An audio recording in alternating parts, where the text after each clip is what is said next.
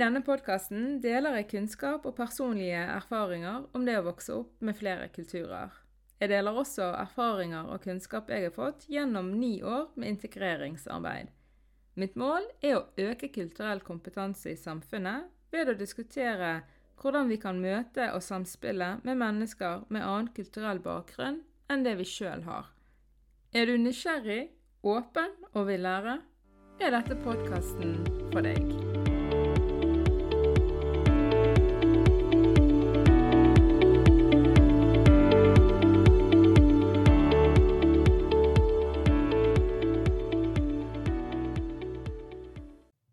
Hei, alle sammen, og hjertelig velkommen til sjette episode av Hvor er du egentlig fra? Hvis dere hører noe knirking i bakgrunnen, så er det bare peisen min.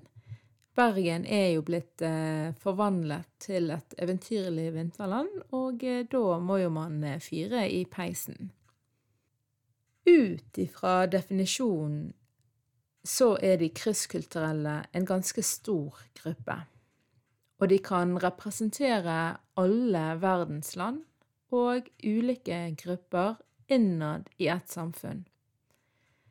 Jeg syns at det er fint at vi har et begrep som omfavner flere, for vanligvis når migrasjon, kultur og innvandring tematiseres, så har en tendens til å tenke på folk som kommer ifra samfunn som er veldig annerledes ifra oss sjøl. Men krysskulturelle barn de kan jo ha røtter fra våre naboland, fra urbefolkningen i Norge, altså samene, fra Øst-Europa og fra andre vestlige land som USA, Australia og Storbritannia. En undergruppe av krysskulturelle som er ganske stor, og som forskningen begynte med, det er tredjekultursbarn. Og det er disse jeg vil fokusere på i ukens episode. Kunnskapen som vi har fått om tredjekultursbarn, eller TKB, har vært enormt verdifullt og har gitt oss en ny og bedre forståelse av barn som vokser opp med eller som samspiller med flere kulturer i sin oppvekst. Den inngående innsikten vi har om TKB-ene, er bygget på barna sine egne erfaringer og beskrivelser, og har gitt oss en dyp forståelse av utfordringer og muligheter en krysskulturell oppvekst innebærer. Så har altså denne kunnskapen videreutviklet seg og omfatter i dag flere grupper barn. Men en ser at det er noen forskjeller mellom TKB og andre grupper krysskulturelle. Det er allikevel mye som er felles, særlig de ulike temaområdene som identitet, tap og tilhørighet, og ikke minst det å kjenne på en annerledeshet. Noe av det fine med forskning, det er at kunnskap blir satt i et system. Og litt seinere så skal jeg beskrive en arbeidsmodell som handler nettopp om hvordan krysskulturelle opplever at de skiller seg ut fra samfunnet som de lever i, og fra familien sin. Og denne arbeidsmodellen den er både beskrivende og viktig for å forstå de krysskulturelle barna, og ikke minst krysskulturelle voksne. For barna blir jo store etter hvert. TKB, eller tredjekultursbarna, det er de som flytter eller veksler mellom flere land av foreldrene sine jobber. Det er yrker som krever reising, eller som kan ha hele verden som sin plattform, som for eksempel journalister, diplomater, leger, sykepleiere, militære eller bistandsarbeidere. Tenk bare på fotball-VM og alle de forskjellige stadionene som ble bygget for årets begivenhet i fotballverden som vi har fått med oss gjennom nyhetene, har det vært mange arbeidsmigranter eller gjestearbeidere fra ulike land gjennom de årene det har tatt å rigge til eh, fotball-VM. Noen av disse arbeidsmigrantene de har bodd alene i Qatar og pendlet frem og tilbake mellom Qatar og hjemlandet sitt, mens andre har tatt med seg familien til Qatar. Barna har dermed bodd i en annen kultur i perioder av deres oppvekst av jobben til en eller begge foreldrene. Og det er selve definisjonen på denne gruppen av krysskulturelle. Man antar at gruppen tredjekultursbarn vil øke fordi verden blir stadig mer globalisert, og fordi og nå gir jeg dere en liten teaser fra boken som jeg skriver på. Verden har store globale utfordringer og krever et globalt samarbeid for å håndtere utfordringene. Og dette vil innebære at både studier og yrker blir mer globaliserte og vil kreve at flere flytter på seg på tvers av landegrenser for å håndtere de globale utfordringene. Og allerede i 1980-årene så antok en at denne gruppen barn, altså TKB, ville bli den nye prototypen på fremtidens borgere, og de kalles faktisk for globale nomader. Hvis vi tenker på yrkene til foreldrene til disse barna, så vil tredjekultursbarn ofte ha ressurssterke og høyt utdannede foreldre, eller foreldre som har et idealistisk verdenssyn. Foreldre vil òg ha jobber hvor de vanligvis bidrar til utvikling, hjelp eller støtte i andre land, og ofte så vil de leve i privilegerte forhold. Men som jeg beskrev i forrige episode, så har jo ikke alle like erfaringer eller opplever de samme tingene på samme måte. Hvis vi går tilbake igjen til fotball-VM, så har jo det blitt avslørt hvilke forhold flere av gjestearbeiderne har levd under, og hvor lite betalt de har vært. Så det har ikke vært mye privilegier der. Og bare for å ha understreket det, å leve under gode forhold, det gjør det ikke nødvendigvis mindre krevende å navigere i ens krysskultur. Og det at en lever mer privilegert enn andre, det kan også gjøre at man skiller seg ut og kan dermed oppleve utenforskap blant jevnaldrende i det samfunnet som man lever i. Litt tilbake igjen til historikken. Tredjekultursbarn er et begrep som går tilbake igjen helt til 1950-årene, og ble utviklet av det amerikanske ekteparet Ruth Hill og John Usim. De forsket på amerikanere som var bosatt i India. Gjennom sin forskning så oppdaget de at barna til disse amerikanske arbeiderne de blandet elementer fra foreldrene sin kultur og elementer fra det nye samfunnet og så lagde de sin egen miks. Altså en blanding av kultur A og kultur B. Og disse barna følte òg større eh, grad av tilhørighet til andre med samme erfaring enn til personer som tilhørte enten kultur A eller kultur B. Og det er fremdeles noe som kjennetegner tredjekultursbarn den dag i dag. Tredjekultursbarna kjennetegnes også av at de lever med høy grad av mobilitet. Og selv om det er en periode hvor de flytter mye, så er det likevel en forventning til at de skal flytte hjem igjen på et tidspunkt. De veksler også mellom flere ulike kulturelle miljøer, og de eksponeres for at mange mennesker kommer inn og ut av det miljøet som de lever i. Og deres identitet preges av verdier og holdninger som arbeidsplassen til foreldrene er preget av. De har høy grad av mobilitet fordi at de kan flytte mye og mellom mange land, eller ha kortere opphold i flere land, eller veksle mellom å bo i sitt opprinnelsesland og det ene vertslandet. Denne gruppen eh, krysskulturelle barn de kan få mindre eierskap til de ulike kulturelle miljøene som de beveger seg i, fordi at de får ikke nødvendigvis samme inngående innsikt i kulturene som de lever i, fordi at de til stadighet skifter eh, sitt ytre miljø, eller at ikke de bor i et kulturelt miljø lenge nok til å på en måte integrere det til å bli en del av seg sjøl.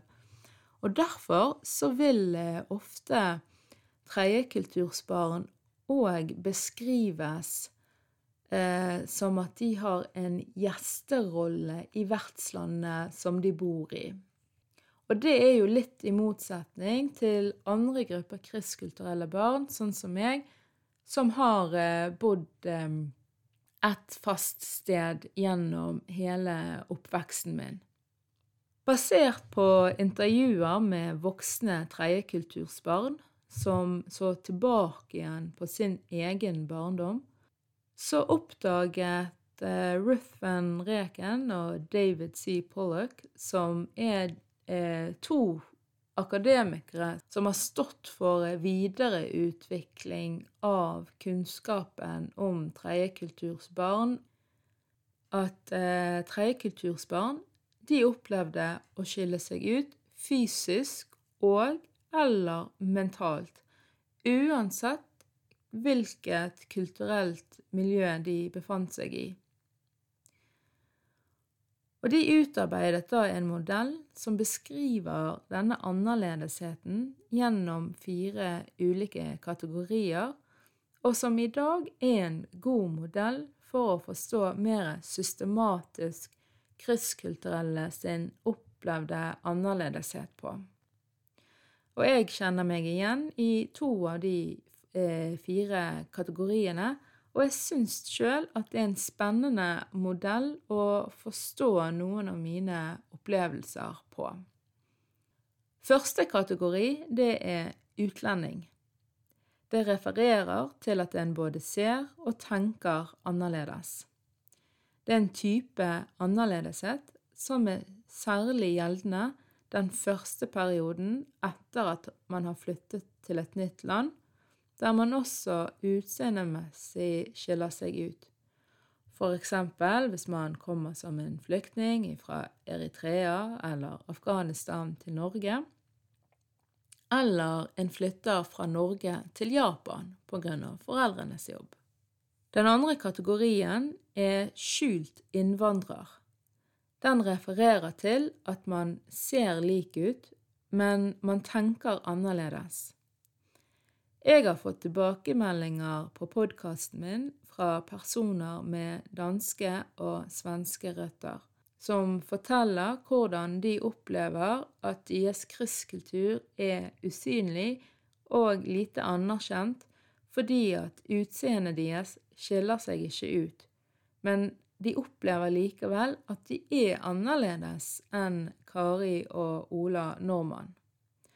Eller at de opplever at eh, Kari og Ola tar det litt som en selvfølge at norske, dansker og svensker er like, og sånn oppfatter ikke de seg sjøl.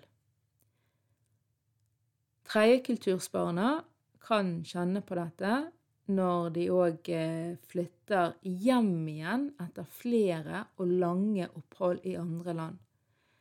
Det kan være en del ting de ikke kjenner seg igjen i, eh, samtidig som samfunnet har en forventning til at de skal oppføre seg likt som majoriteten, fordi at utseendet deres er helt likt. Det kan òg gjelde når jeg f.eks. reiser til Palestina, så har jeg et utseende lik majoritetsbefolkningen der nede, og dermed så er det en forventning til at min oppførsel skal være lik majoriteten. Den tredje kategorien er synlig landsmann. Det er en tredje måte å skille seg ut på, og refererer til at en skiller seg ut fysisk sett, men at man tenker likt. For eksempel hvis man har bodd lenge nok i et annet land, og det kulturelle miljøet er blitt en del av personen, men likevel så behandles man som en utlending fordi utseendet eller språknivået skiller seg ut og da til tross for at en deler samme språk, samme form for humor, normer, verdenssyn og andre kulturelle forhold. Internasjonalt adopterte barn i Norge kan f.eks. kjenne seg igjen i denne kategorien, eller ungdom som er født og oppvokst i Norge, men har foreldre fra andre land, sånn som meg sjøl. Den siste kategorien har betegnelsen speil, og den refererer til at en både ser ut og tenker likt som majoritetsbefolkningen. Eksempel hvis man har hatt korte opphold i utlandet og flytter tilbake til Norge, så kan man fort finne seg til rette i det norske samfunnet fordi at man har ikke utviklet kulturelle hull ennå. Eller hvis en bor i et annet land hvor utseendet er likt majoritetsbefolkningen, og en har bodd der så lenge at en har integrert det andre kulturelle miljøet.